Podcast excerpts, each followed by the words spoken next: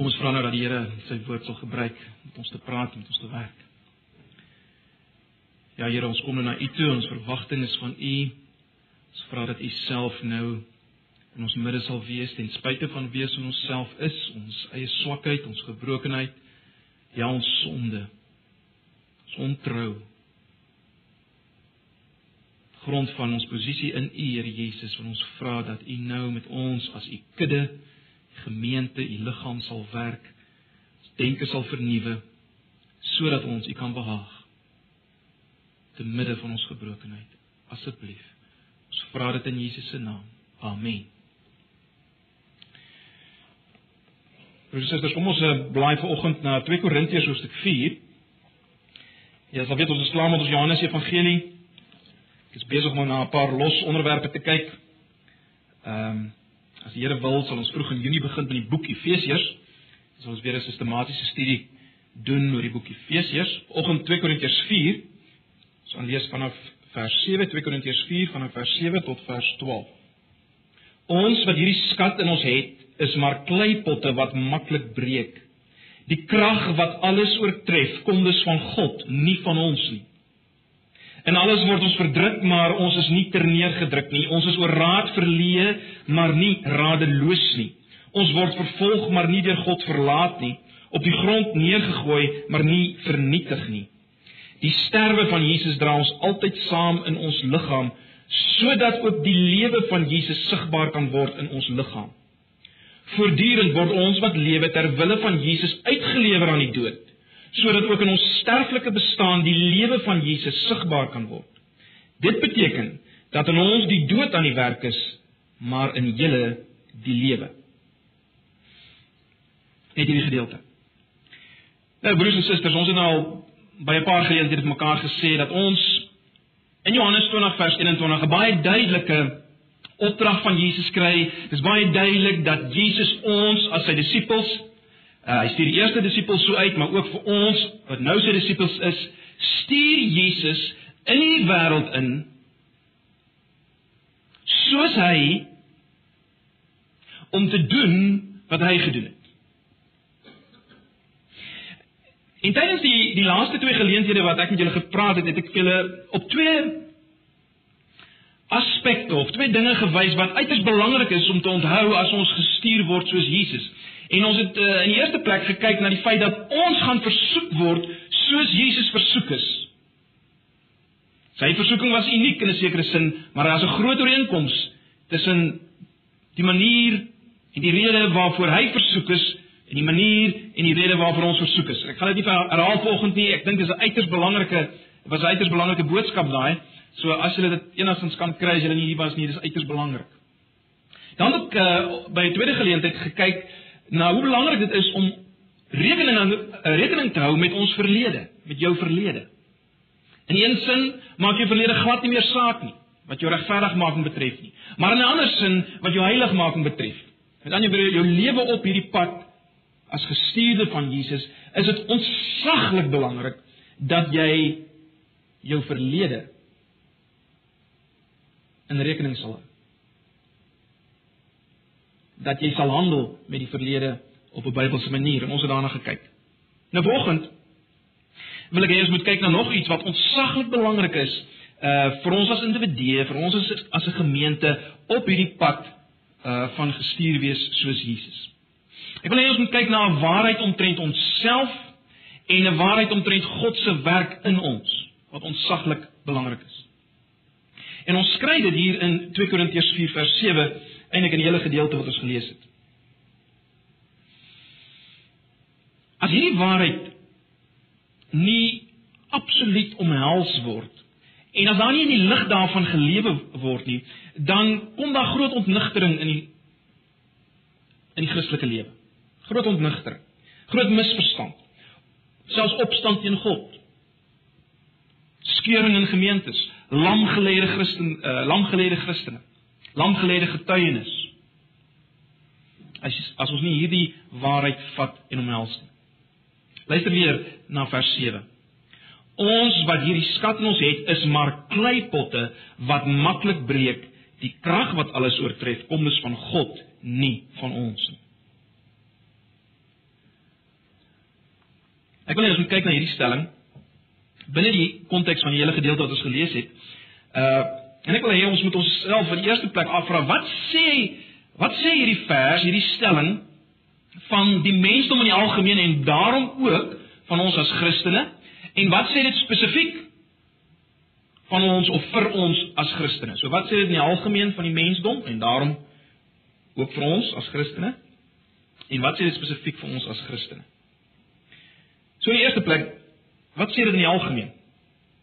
Wel, jy het opgelet dat ons word hier vergelyk met kleipotte wat maklik breek. Dis soos die uh, 83 vertaling het vertaal het.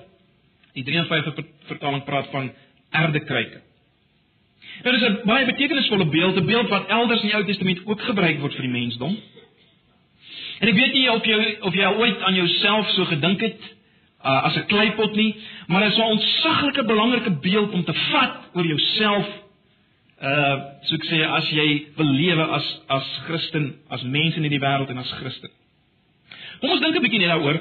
Waarvoor is 'n pot daar? Waarvoor is 'n pot daar? Ek dink ons almal saamstem, ons sal weet, 'n pot is gemaak om iets te bevat. I mean, die hele bestaansreg van 'n pot lê daarin dat daar iets in hom in moet kom, né? Nee. Hulle is so ontwerp om iets te hou. En dit herinner ons onmiddellik daaraan dat ons as mense is gemaak om iets te bevat. Om iets te hou. As ons dit negatief stel, jy sal weet as as 'n uh, as so 'n pot in ons huis of 'n beker of wat dit mag wees, as dit uh As dit nie iets bevat nie, sê ons is leeg, né? Ons sê ons is leeg. Dit is 'n leë pot of 'n leë beker. Jy sien dit nie toevallig dat ons soms praat van 'n lewe wat leeg is sonder die Here nie. Dis ons praat. En is nou mense rondom ons uh en dalk is hier vanoggend sulke mense tussen ons is besig met baie dinge. Hulle hulle uh, is vreeslik besig, maar binne in hulle is 'n groot leegheid. Daar's niks binne in nie. En daai leegheid skep 'n geweldige rusteloosheid. Die rusteloosheid wat ons oral rondom ons sien, die gejaag na dinge om hulle self te vul met iets. Maar goed. Terug na ons gedeelte. In Kordes kan ons sê ons is gemaak as potte om iets te bevat En as ons nie iets bevat nie, as ons dit nie het, dit wat ons moet bevat nie, as ek dit so kan stel, dan is ons onvermydelik leeg en dan is ons lewens tot 'n groot mate betekenisloos. So dis die eerste ding uh wat ons hier raak sien. Ons is potte. Wat bedoel is dit waarvoor potte bedoel is? 'n Tweede aspek van hierdie beeld uh wat ons iets sê van menswees is die feit dat hierdie potte potte is wat maklik breek soos die 83 vertaling dit stel. Of dan erdekruike. Hele punt is hier dis dis potte uh, wat nie gemaak is van vreeslike duursame materiaal nie. Dis dis die hele gedagte hier. 'n eh, Duursame materiaal of sterk materiaal nie. Met ander woorde in sigself as daai pot staan op die rak in sigself is dit nie veel werd nie en en en dit breek maklik. Swak. Dit is 'n wonderlike realistiese beeld van van die menslike lewe. Ons is potte wat bedoel is om iets te hou, maar in onsself is ons nie vreeslik waardevol nie en is ons breekbaar. Nou baie mense in die wêreld daar buite hou natuurlik nie van hierdie gedagte nie. Maar maar dis die Bybelse denke. Paulus stel dit so mooi in Galasiërs 6 vers 3. Hy sê as iemand hom verbeel dat hy iets is terwyl hy niks is nie, bedrieg hy homself iemand hom verbeel dat hy iets is terwyl hy niks is nie, bedrieg hy homself. Goed, so nou is klaar klaar met die pot in sigself. Ek wil hê ons moet nou kyk wat sê Paulus oor wat in die pot is. En waaroor hy nou praat, het spesifiek of is spesifiek van toepassing natuurlik net op Christen. Waarvan hy nou praat is net van toepassing op Christen. Dis net waar van Christen. Julle sal sien in vers 7 dat hy sê daar's 'n skat in hierdie pot. En hy sê hierdie skat is 'n voortreffelike krag Dis hoe die ou vertaling dit stel, die 53 of dan 'n krag wat alles oortref. 'n Krag wat alles oortref. En dis die die geweldige ding van die Christelike lewe, is dit nie? Dis die geweldige ding van die Christelike lewe of as jy wil lewe soos God dit bedoel het. Die pot in sigself is nie veel nie, maar bevat 'n onmeetbare, 'n onkoopbare skat. En dis natuurlik waarna die wêreld soek rondom ons, né? Nee. Hulle weet dit net nie. Hulle soek dit oral, behalwe op die regte plek soek hulle na hierdie skat. Paulus praat van hierdie skat as 'n krag wat alles oortref. sien julle dit?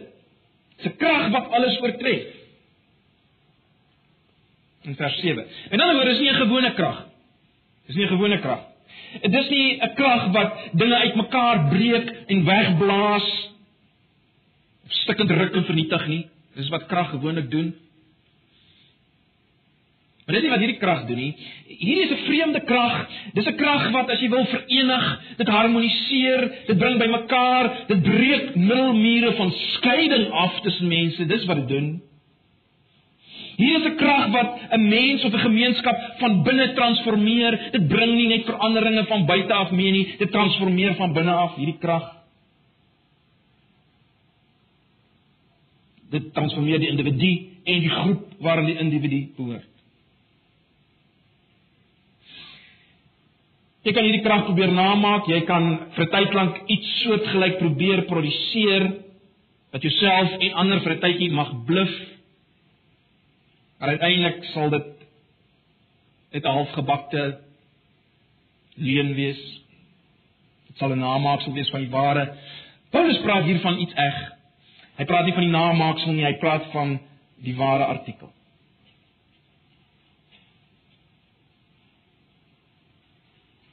Maar wat is hierdie geheime krag? Of dan as jy wil, wat is die skat? Wat is hierdie geheime krag of die skat? Wel, kom ons kyk net na die vorige vers, die vers wat ons nou nie gelees het, die vers 6. Kyk net na vers 6 van 2 Korintiërs 4.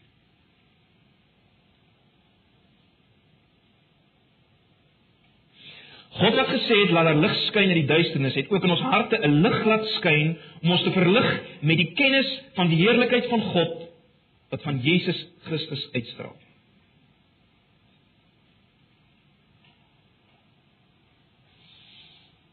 As jy dit eenvoudig wil stel, eh, wil stel, hierdie skat is Jesus Christus, die een uit wie die heerlikheid van God straal. Dis die skat. Dis die skat. Blaai vanaand na Kolossense 1. Kyk hoe stel Paulus dit daar. Kolossense hoofstuk 1. Kolossense hoofstuk 1.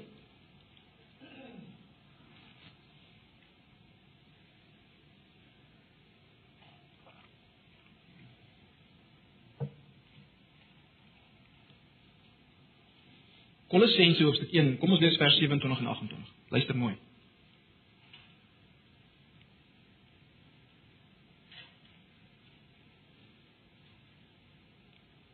God het besluit om aan hulle bekend te maak hoe seënryk en heerlik hierdie geheimenis vir die nasies is. Die inhoud daarvan is Christus is in julle. Hy is julle hoop op die heerlikheid. Die inhoud daarvan is Christus is in julle. Dis nie dis ware Christendom Christus in jou. En natuurlik is dit moontlik as gevolg van die Gees wat by ons is, wat Christus by ons is. Christus in jou. Nie bloot in jou om jou uiteindelik na die hemel toe te vat nie, as jy sterf nie, nie in jou om sy lewe in jou te leef, die lewe wat hy hier in nou die, die lewe wat hy geleef het op aarde, wil hy of wil hy in jou hier en nou leef binne jou situasie en jou omstandighede. Dis Christendom. As jy enigsins anders dink oor Christendom, het jy die verkeerde artikel beet. Christus in jou om sy lewe wat hy geleef het hier en nou in jou situasie en jou omstandighede te leef. Dis die Christelike lewe. Dis die skat. Nou sê Paulus hierdie skat is 'n potte wat maklik breek. En is doelbewus natuurlik so deur God bedoel, né? Nee. En deur so deur God gedoen. God plaas hierdie skat wat ons nou weet wat dit is. God plaas hierdie skat in feilbare, swak, sondige mense sodat dit baie baie duidelik kan wees waarvan aan die krag kom. Dat daai krag nie sy oorsprong by ons het nie. Jy sien hierdie krag is nie die resultate van 'n sterk persoonlikheid nie. Hierdie krag is nie die resultate van 'n ekstrovert geaardheid nie of 'n hoogs hoogsbegaafde breinkapasiteit nie. Dis nie die resultaat van enigiets van hierdie dinge nie. Nie van enigiets van hierdie dinge. Dit kom van niks anders as die teenwoordigheid van God self in ons binneste nie.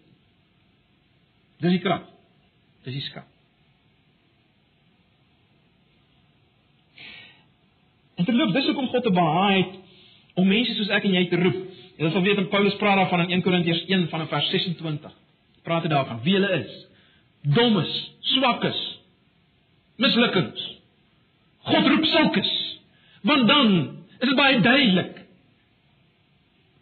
dat alles van hom kom.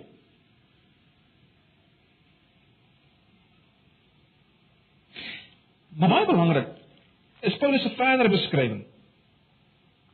Paulus se verdere beskrywing van die lewe van hierdie potte. Met hierdie skat in hulle die pot wat maklik breek. Paulus se verdere beskrywing is uiters belangrik. Gaan net terug na 2 Korintiërs. As jy by Kolossense is. Die verdere beskrywing van hierdie potte is belangrik want dit sê eintlik nog iets meer oor die aard van die potte ook.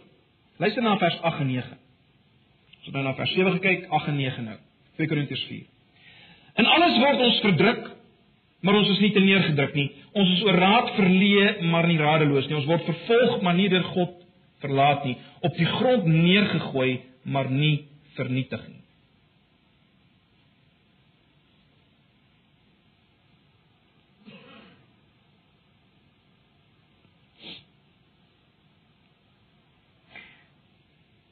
Dis die lewe. Dis die lewe wat mensdom leef word hier beskryf, is dit nie? En dis ook die lewe wat ons leef as Christen. Ons is nie anders nie. Ons is nie uh ons is nie uh ons word nie bewaar van die dinge waarvan Paulus hier praat nie. Kom ons kyk vinnig na die kategorieë wat Paulus hier noem. Hy praat van van verdrukking. En alles word ons verdruk vers 8, sien julle dit? En ek dink ons kan sê dit verwys hier na na daai normale druk wat almal elke dag in staar, né? Nee, ons almal, Christen en nie Christen. Jou motor se battery is pap op 'n maandagooggend. Uh die wasmasjien breek. Uh die familiedag op op 'n tyd wat jy dit nie kan bekostig nie.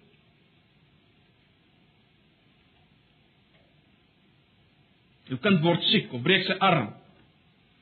Wat die geval mag wees. En hierdie dinge kan so baie word dat jy jy voel met ekkeer asof jy 10 rondes teen die teen die bokskampioen van die wêreld geboks het. Verdrukking. Dis die eerste kategorie van dinge waarvan Paulus praat. 'n Tweede ding wat hy noem is hy uh, hy vertaal dit in die uh nuwe vertaling uh, die 82 oor raad verleë. Uh die Engels praat van perplexities. Ek dink dit dit dit dit baie beter uit. Perplexities. Dit verwys na al daai druk wat ons beleef as gevolg van besluite wat ons moet neem. Ons is verward en ons kan nie die lig aan die einde van die tonnel sien nie. Uh ons word getuister deur vrese bekommernisse, onsekerhede. Dit alles lê agter hierdie woord wat hier gebruik word. Perplexities. En dan praat Paulus van vervolging.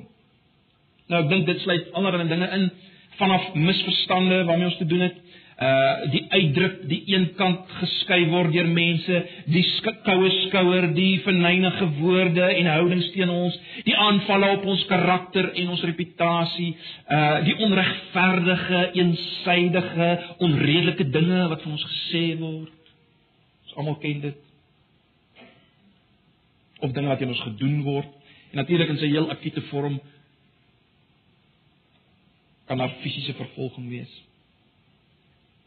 So dis die derde kategorie en dan laastens is daar wat ek wil noem katastrofes. Paulus praat van ons word neergewerp, uh, neergewerp op die grond neergegooi. Neergewerp of op die grond neergegooi. Ek dink dit gaan hier oor katastrofes. Né? Nee. Katastrofiese gebeure. Dinge wat ons werklik neervel. Ernstige motorongeluk. Diagnosering met 'n terminale siekte, 'n hartaanval, 'n kaping, 'n oorlog, aardbewing, oorstroming, wat die geval mag wees. Of geestelik gesproke, daai tye van absolute droogte, dorheid, totale gevoel van mislukking. Jy voel jy geen krag meer oor nie. Uh, die ou uh, Christelike skrywers het gepraat van the dark night of the soul. Geen lus of geen energie meer nie.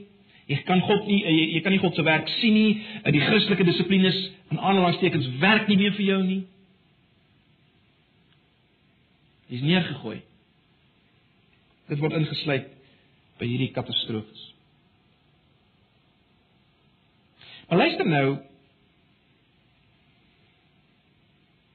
Luister nou weer na hierdie vers en kyk na die reaksie van mense wat deur hierdie dinge gaan wat die skat in hulle binneste het.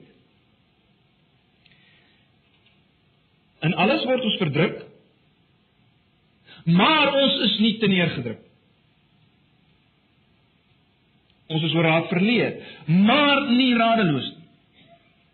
Ons word vervolg, maar nie deur God verlaat nie. Op die grond neergegooi, ja, op die grond neergegooi verseker. Maar luister, maar nie vernietig nie. Maar nie vernietig nie. Ons word op die grond neergegooi. Maar nie vernietig nie. En broers en susters, uh Dit was gevolg van hierdie krag wat alles oortref wat binne in ons is, is dit nie? Jy sien hierdie krag, om dit so te stel, as die druk van buite af kom, dan druk hy van binne af. Jy sal hoeveel krag terug. En as gevolg daarvan word ons nie vernietig of vertrap, verval ons nie in totale wanhoop nie. Die klem op die totale. Omdat hierdie krag van binne af werk en druk. Hierdie krag wat alles oortref, druk van binne af in ons as sy kinders. En dis wat die Christelike lewe bedoel is om te wees, né? Nee, dat as jy twyfel daaromtrent nie. Ek dink almal van ons het al of kom ek stel dit so almal van ons wat al geruime tyd uh, die pad van die Here loop. Het al beleef ietsie van beleef uh veral in groot dilemmas of krisisse. Ek weet dis van julle wat dit beleef. Ken julle? Wat hulle in groot dilemmas ietsie van beleef het. Ek dink die punt wat ons vanoggend moet vat is dit. Uh Dis bedoel om ons voortdurende belewenis te wees. Dis wat Paulus hier skryf. Nie net in die enkele groot krisisse nie, maar in die alledaagse dinge is ons Christelike lewens bedoel om 'n belewing te wees van hierdie krag wat na vore kom. Wat van binne af hierdie dinge as te ware die druk van buite af antwoord met 'n druk van binne af. Ons Christelike lewens is bedoel om dit te wees in ons huise, in ons gesinne, in die gemeente is dit wat ons moet beleef. En as jy vra wat is die geheim daarvan? Moet so te stel, hoe hoe skop hierdie krag in as ek dit so kan stel met alle respek? Hoe hoe skop hierdie krag in? Hoe kom dit in werking? Sodat hierdie druk van buite af beantwoord word as te ware met 'n druk van binne af van hierdie krag se kant. Nou kom ons kyk na vers 10 en 11. Kom ons kyk na vers 10 en 11.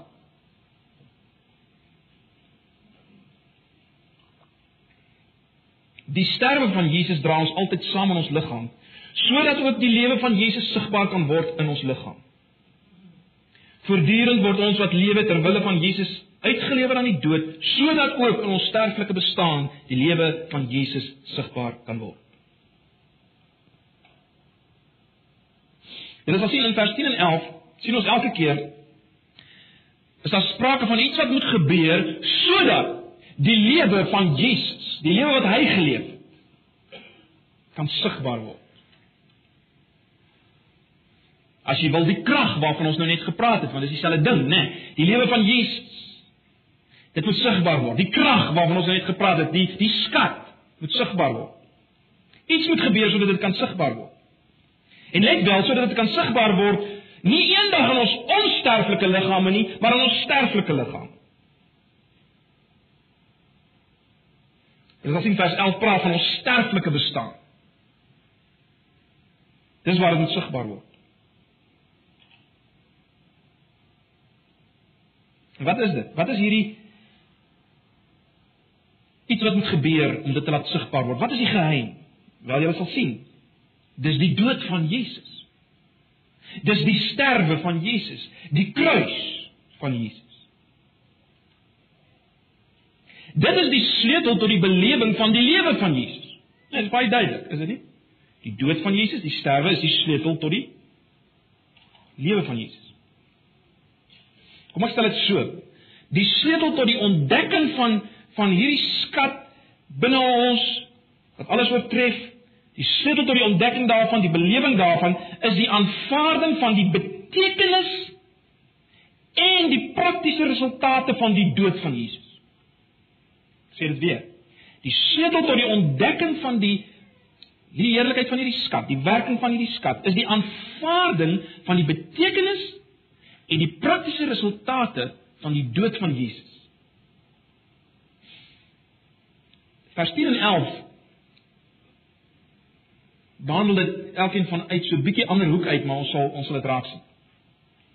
Kom ons vra ons eers self af, wat is die kruis? Die kruis as voorwerp, kom ek stel dit so. Wat staan vir die dood van Jesus? Wat is dit? Want hierdie kruis het het een doel gehad, né? Nee. En die doel van die kruis was om 'n einde om 'n einde te maak aan 'n bose lewe. Dit was die doel van die kruis, soos hy daar gestaan het.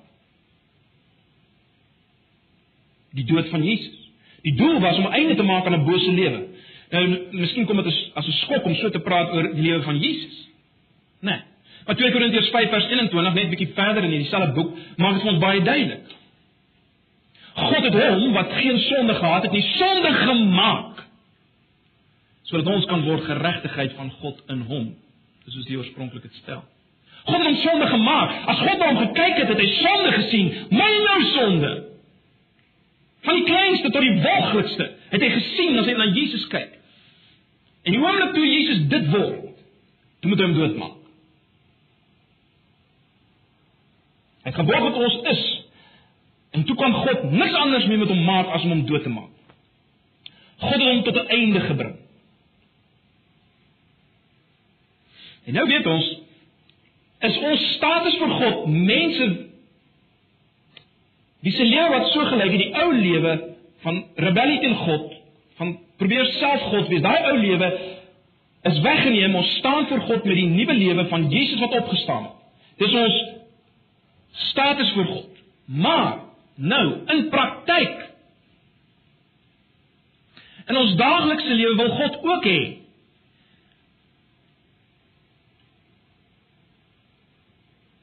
dat die ou mens doodgemaak moet word, die bose mens. Hom ook vernietig. Die mens wat ons is buite Jesus, onthou nou. Die mens wat ons is buite Jesus, in praktyk moet dit tot 'n einde kom. En dis dis wat hier op die spel is. Die dood waarvan hier gepraat word, die dood van Jesus of die kruis as jy wil. Moet 'n einde maak aan my as as jy dit so wil stel, my trotse ego. Dit wat ek is as mens wat self in beheer wil wees, God wil wees, nê. Nee, die een wat 'n trompet wil blaas wanneer hy iets goed doen sodat almal dit kan hoor. Daai daai mens. Dis die ding waarvan hier gepraat word.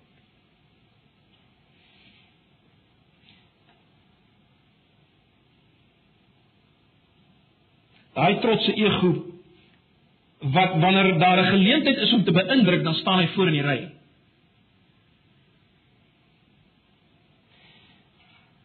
Wat nie wil hê iemand anders moet so populêr, so begaafd of so toegewyd of dalk so mooi soos ek wees. Niemand anders mag. Daardie mens, daardie trotse ego wat opgeblaas is as iemand anders voor my gekies word, voor my aandag kry.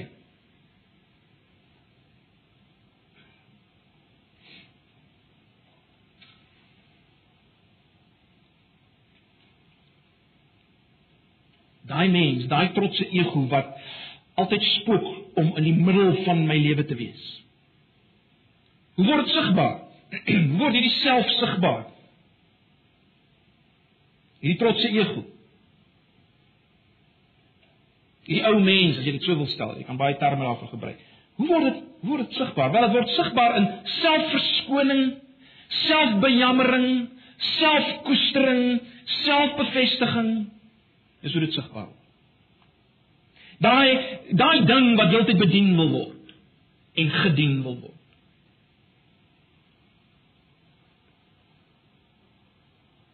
Dis waarom die dood van Jesus 'n einde bring en moet bring as die krag die lewe van Jesus wil sigbaar word in my praktiese lewe elke dag.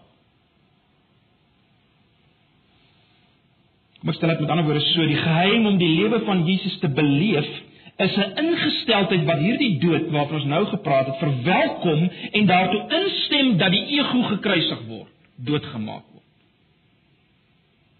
Sê dit weer, die geheim om die lewe van Jesus te beleef hier is 'n ingesteldheid wat die dood van Jesus verwelkom En daar en daartoe instem dat hierdie ego wat so sigbaar word in selfbejammering en in selfverskoning en in selfkoestering en selfbevestiging dat hy doodgemaak word.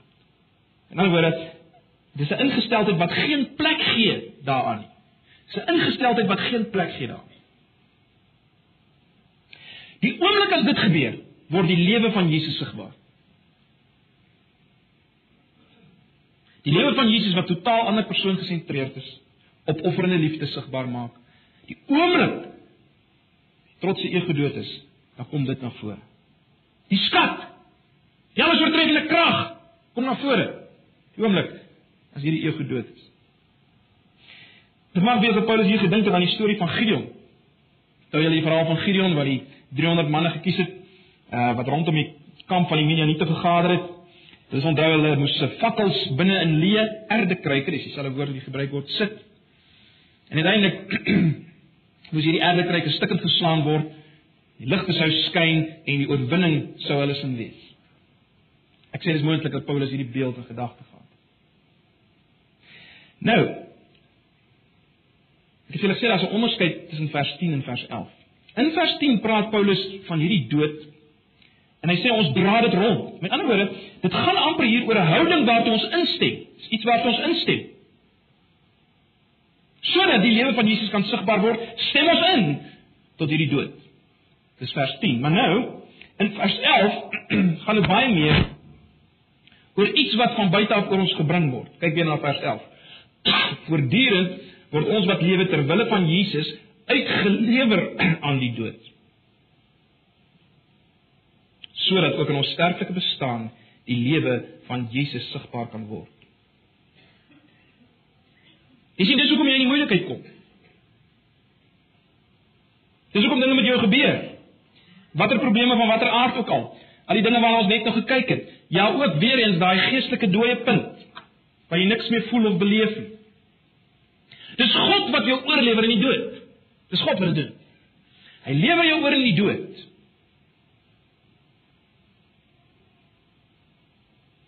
Jy word by wyse van spreuke weggevat As ek praat van jy praat ek spesifiek van hierdie trotse ego. Praat nie van jy as persoon met persoonlikheid en daai dinge nie. Dis nie waarvan ek praat nie. Jy wat self God wil wees, die trotse ego. Jy word as te ware weggevat deur God. Hy lewer jou oor in die dood. Hy vat jou weg. Sodat jy selfs ook uh, in jou geestelike lewe baie keer niks meer kan voel of beleef nie. Jy kan nie eens meer vashou aan jou belewing van God of jou ge geestelike gevoel nie. Ook dit word weggevat. Alles word gestroop van jou. En dan gebeur iets. Dan raak die lewe van Jesus sigbaar. Die skat, die krag wat alle ander krag oortref.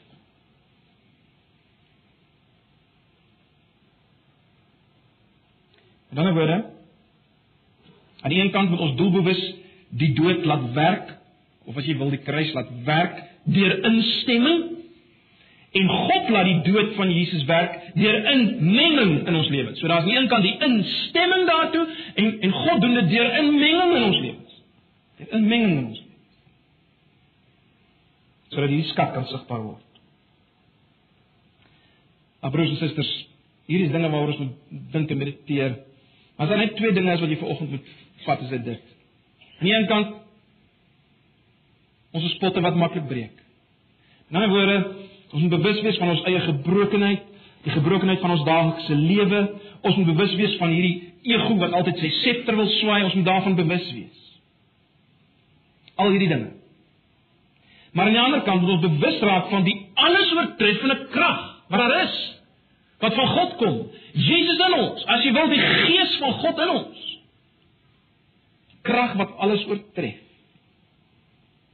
Wat dit moontlik maak om totaal anders te reageer as die wêreld rondom ons binne dieselfde omstandighede.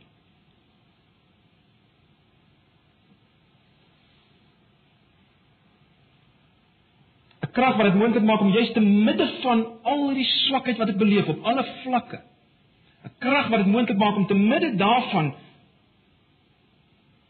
krag te beleef wat vrede bring, heelheid bring, harmonie, harmonie bring, mure van skeiding afbreek. Te midde van my eie swakheid en gebrokenheid. Kom daai krag na vore en hy doen dit. Ons moet bewus wees daarvan. Dis waarvan Paulus uh of waarvan 2 Korintiërs 12 praat as as as as as as die Here Jesus of, of as Paulus uiteindelik sê uh, wanneer ek swak is, is ek sterk. Daai bekende gedeelte. Wanneer ek swak is, is ek sterk.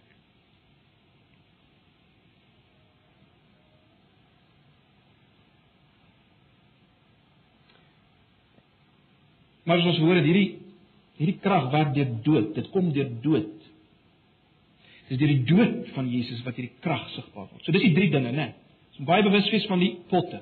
Baie bewus wees van die oortreffelike krag. Baie bewus wees van hoe dit gebeur. Die hele aspek van die dood. Deur instemming en deur inmenging in ons lewens.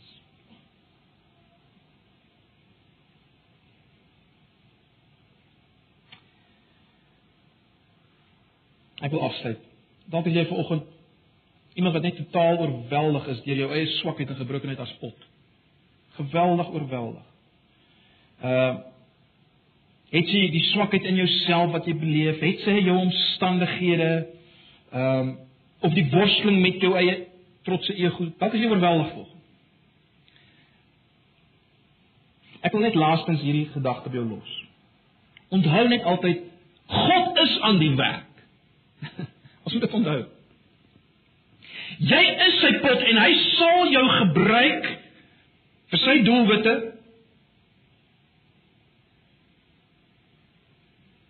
Ja, al jou omstandighede, selfs jou sonde, jou ego wat moet sterwe, al daai dinge span hy in vir sy doelwitte. En dan wat wat ek wat ek probeer sê is kry die groter prentjie. Kry die groter prentjie. God is aan die werk. Ten spyte van hierdie dinge. Jy sy pot. Hy sal sy krag laat skyn. Ek sluit af met 'n 'n storieetjie. Ek het dit al vir van julle vertel by by geleentheid ek ek eh, ek weet nie wie van julle dit al gehoor het nie. Uh dis 'n storieetjie wat ek iewers gelees het van 'n 'n uh, waterdraer daar in Indië. Met ander woorde 'n ou wat water gedra het vir sy meester. Hy het wa, die water aangedra, uh, hy het 'n dwarslat gehad wat oor sy nek hang met twee waterpotte, twee kruike water. Een was pragtig, volkomme pot. Die ander een het 'n vreeslike lelike kraak gehad. En elke keer as die hierdie waterdraer aan die ander kant uitkom by sy meester se huis, dan dan was hierdie pot met die kraak half half vol water gewees. En die res het uitgemors. Vir 2 jaar het dit so aangegaan en uh, hierdie volmaakte pot, hierdie pragtige pot het uh, baie goed begin voel. Uh oor die feit dat hy so baie water van die ander kant toe bring, terwyl die die gekraakte pot uh het verskriklik sleg gevoel oor oor sy kraak en uh het verskoning gevra vir die meester dat dat hy so baie water mors, vermors, dat hy net hierdie hele ding vermors. En toe sê die toe sê die waterdraer vir die pot wel, as ons nou weer op die pad stap, kyk 'n bietjie na dit wat langs die pad is. En toe gaan kyk hy en toe sien hy langs die pad staan die pragtigste blomme. En toe sê die waterdraer van, weet jy, ek was lankal bewus van jou kraak. Maar ek het jou kraak ingespan vir my doelwit. Ek het blomme daar geplant en elke keer wanneer ons stap, het, het die water uitgemors by jou kraak en daai blomme begin groei. En nou kan ek daai blomme gebruik vir 'n dekorasie in my meester se se huis. Ek was altyd bewus daarvan. Het jou kraak gebruik en ingespan. Ja, broers en susters, maar net 'n beeld om iets iets weer te gee, maar ek dink dis wat wat Paulus wil sê in vers 12 as hy sê dit beteken dat in ons die dood aan die werk is, maar in julle die lewe. So wat wat wil ek sê? As jy oorweldig is oor hierdie aspek van die dood en van die gebrokenheid en van die gebarsheid. Onthou, God is aan die werk. En dan kom lewe uit jou voort. Hy gebruik dit op 'n wonderlike manier. Ag mag die Here ons genade gee om dit te vat. En dit is uiters belangrik op ons pad as gestuurdes van Jesus om dit te onthou. Dalk is jy vanoggend hier as iemand wat wat nog totaal 'n leepot is. Christus is nog nie in jou nie. Sal jy nie om te vlug, vir hom buig, lewe aan hom oorgee sodat jy gevul kan word, sodat jy hierdie lewe kan begin leef wat ons nou gepraat het nie? Kom ons bid saam. Here baie dankie vir die woord. Dankie vir die woord wat diep sny.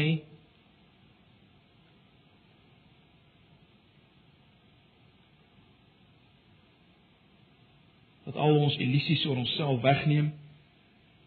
Maar dankie vir die realistiese hoop wat ons het in die woord, in U. Ag Here, baie baie dankie daarvoor. Ek wil vra dat U U woord sal gebruik en dat U self ook die naprediker van hierdie boodskap sal wees dat U vir ons elkeen die genade sal gee om dit werklik te hoor en te vat. Here, my my gebed is vir myself en vir ons elkeen van ons as 'n gemeente dat ons al meer sal bewus word van hierdie alles oortreffende krag binne ons as potte wat maklik breek. Asseblief. Asseblief, Here, ons vra dit net in Jesus se naam. Amen. Kom ons sluit af met 'n laaste lied.